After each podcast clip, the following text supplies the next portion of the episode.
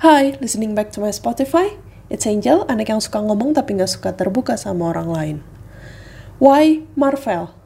Oke, jadi hari Minggu kemarin gue beruntung banget bahwa gue berkesempatan untuk datang ke Marvel Exhibition yang ada di Jakarta. Dan karena itu, gue jadi kepikiran bahwa gue pengen cerita nih. Kenapa sih Marvel? Kenapa gue lebih suka Marvel? Kenapa gue suka MCU dibanding dengan DC? Sebenarnya gue nggak akan bahas secara spesifik mengenai DC-nya. Gue cuma akan bahas MCU-nya aja, Marvel-nya aja. Kenapa gue suka Marvel, tokoh yang paling gue suka apa, terus film yang paling gue suka apa, film yang paling gue suka di fase 4 ini apa, dan segalanya. Jadi kalau misalnya kalian belum nonton sama sekali soal Marvel, sebenarnya nggak apa-apa, gue nggak akan spoil apa-apa. Gue berusaha untuk seenggaknya nggak menyampaikan apa pun soal isi film-film Marvel, tapi gue cuma akan cerita hal yang membuat gue suka sama film tersebut atau tokoh tersebut. Nah, mungkin disclaimer sedikit kalau gue itu nggak baca komiknya, gue nggak baca komik Marvel, gue cuma pure nonton aja. Mungkin dulu udah pernah, tapi sekarang udah lupa karena gue juga lupaan anaknya. Gue juga kalau baca komik lebih suka komik-komik Jepang yang kartun-kartun gitu, bukan anime gimana. Lebih suka yang kayak Doraemon, yang ringan-ringan aja deh. Karena menurut gue baca komik itu lebih untuk gue refreshing aja supaya gue nggak mikir gitu. Nah, sebenarnya sebenarnya banget disclaimer lagi nih gue itu lupa pertama kali gue nonton film apa kayaknya kalau diinget-inget kalau ditarik ke belakang yang pasti bukan Iron Man 1 gue yakin banget pasti bukan Iron Man 1 karena Iron Man 1 itu keluar tahun 2008 which means itu udah 14 tahun yang lalu dan waktu itu umur gua adalah 12 tahun. Dan kayaknya seingat gua, gua belum nonton bioskop film film superhero gitu di umur 12 tahun. Kayaknya baru SMP.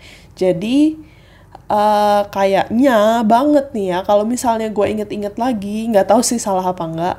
Film Avenger pertama, film MCU pertama yang gue tonton itu adalah The Avengers yang 2012 kayaknya.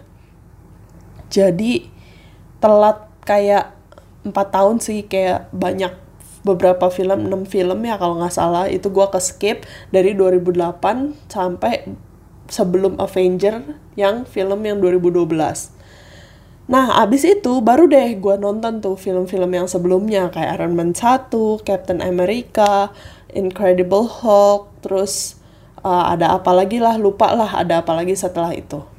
Nah akhirnya sempet sih setelah gue nonton Avengers kan gue mulai itu maraton nonton semuanya. Jadi gue mulai ngerti walaupun waktu itu nonton juga ya kan masih SMP ya nggak SMP nggak masih sih tapi masih uh, bingung beberapa hal kayak ini apa sih ini apa sih gitu. Jadi uh, tapi nonton semuanya supaya lebih paham lah maksudnya di film The Avengers-nya ini sendiri.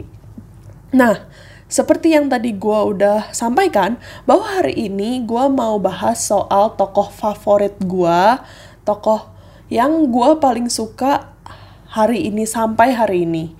Sebenarnya kalau dipikir-pikir, gue belum pernah mikirin soal ini sih dulu pas nonton, pas masih zaman zamannya uh, banyak film Marvel MCU berentetan gitu. Gue nggak pernah mikirin siapa sih tokoh utama yang paling gue suka, superhero yang paling gue suka.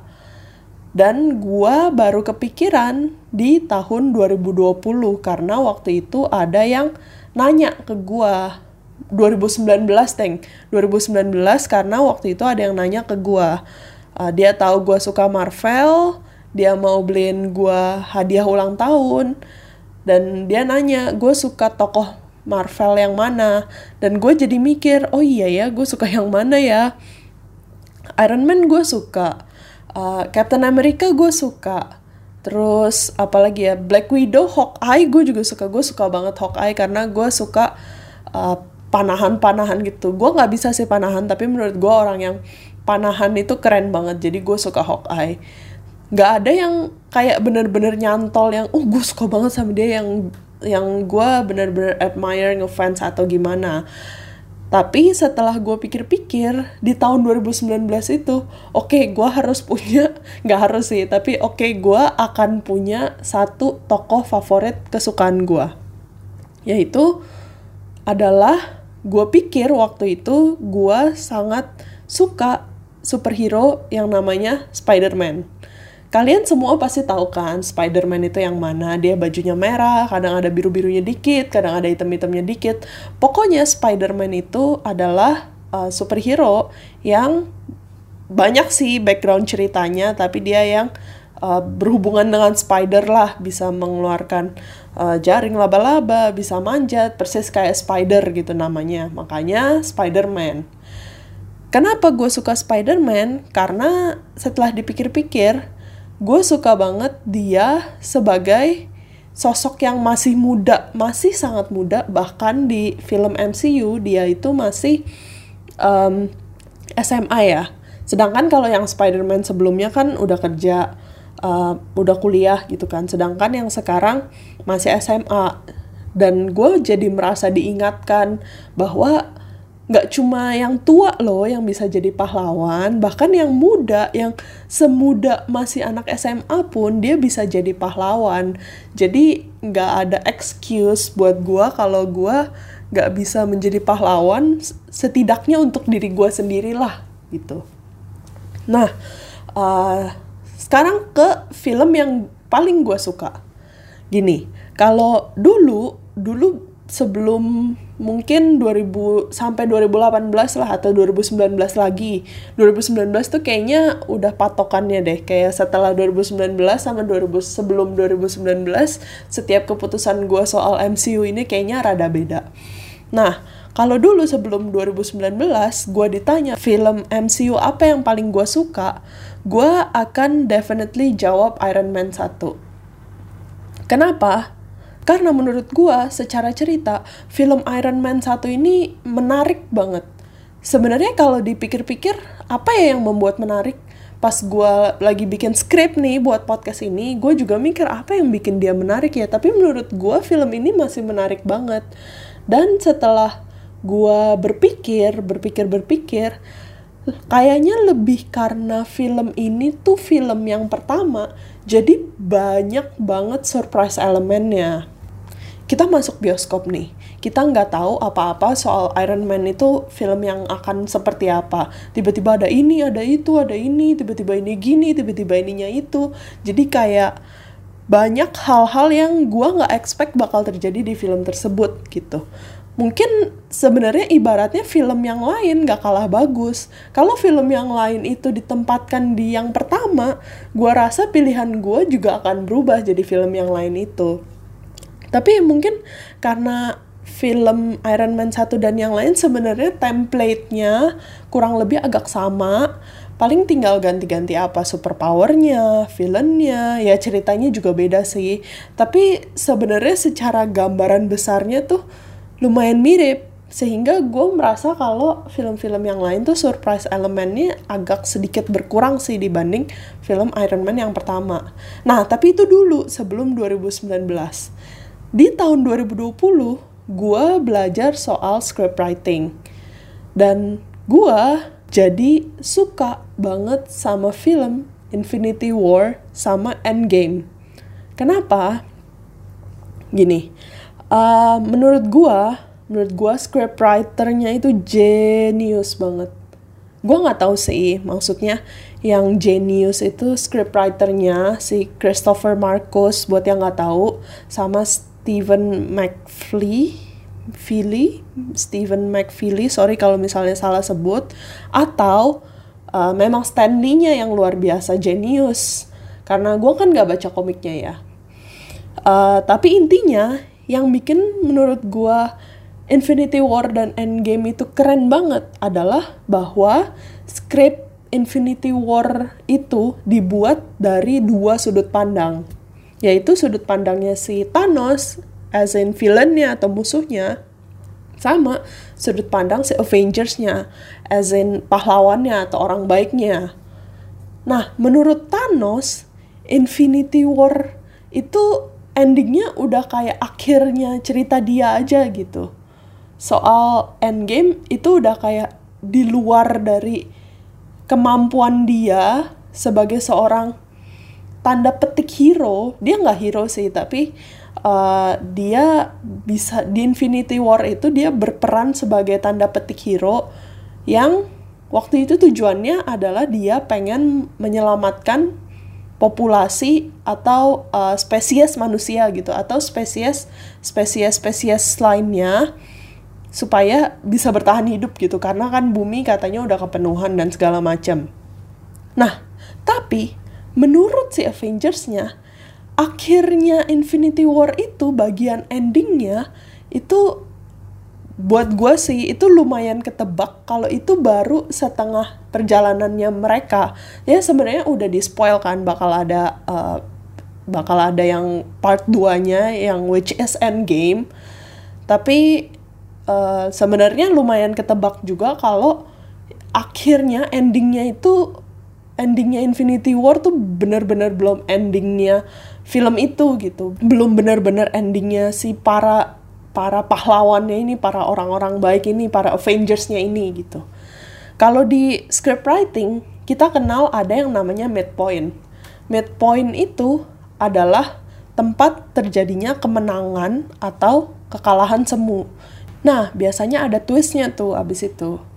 Makanya gue bilang keren banget banget banget. Karena biasanya satu script film itu cuma dibikin dari satu sudut pandang aja gitu. Dan dari sudut pandang orang baik atau hero-nya aja mikirnya udah ribet gitu. Apalagi dari dua sudut pandang dan satu sudut pandang itu adalah dari musuhnya dari lawannya atau dari villainnya gitu. Wah luar biasa sih. Terus satu lagi selain itu scene yang menurut gua sangat jenius adalah ketika Tony Stark ini sedikit spoiler ya sedikit spoiler. Kalau kalian belum nonton di skip aja langsung yang jauh. Nggak tahu sampai menit keberapa atau udah tutup aja. Tapi menurut gua scene yang sangat jenius adalah ketika Tony Stark aka Iron Man dia itu yang mengakhiri semuanya. Ditambah lagi ketika Steve Rogers aka Captain America dia memilih untuk kembali ke masa lalu dan hidup di zaman itu. Wah, wah luar biasa sih. Itu dua scene sederhana hasil pemikiran para genius-genius scriptwriter banget sih. Um, soal penjelasannya apa?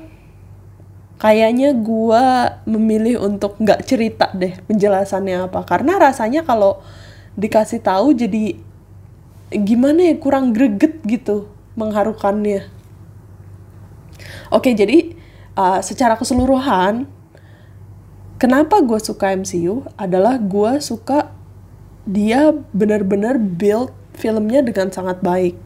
Satu-satu pelan-pelan gak buru-buru tapi juga gak bosenin. Sedangkan nih ya kalau yang sekarang yang phase 4 ini nih yang setelah endgame jujur gue hmm, agak sedikit kecewa sih dari sekian banyak film yang udah tayang, ada yang di Disney Hotstar, ada yang di bioskop.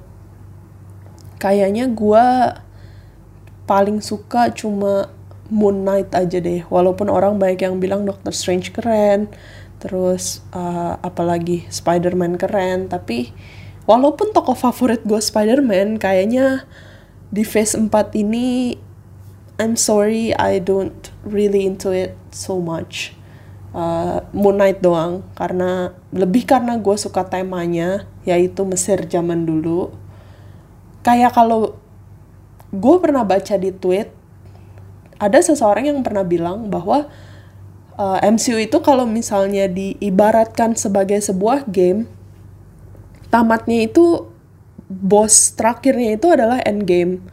Nah sisanya atau phase 4 ini itu cuma kayak side quest aja, misi-misi kecil yang ya boleh dijalankan, boleh enggak.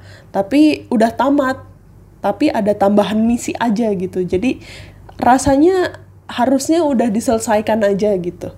Jangan ditambah-tambahkan lagi. Nggak tahu sih itu kalau menurut pendapat pribadi gue sendiri.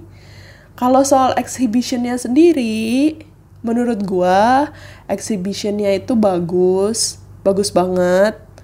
Uh, banyak baju-baju yang benar-benar dipakai sama pemainnya dipajang ada Mjolnir Mjolnir Stormbreaker bukan Mjolnir Stormbreaker yang benar-benar dipegang sama Chris Hemsworth. Ada bajunya Steve Rogers yang dipakai sama Chris Evans dan segala macam baju-baju lainnya dan atribut-atribut lainnya jadi menurut gue keren banget.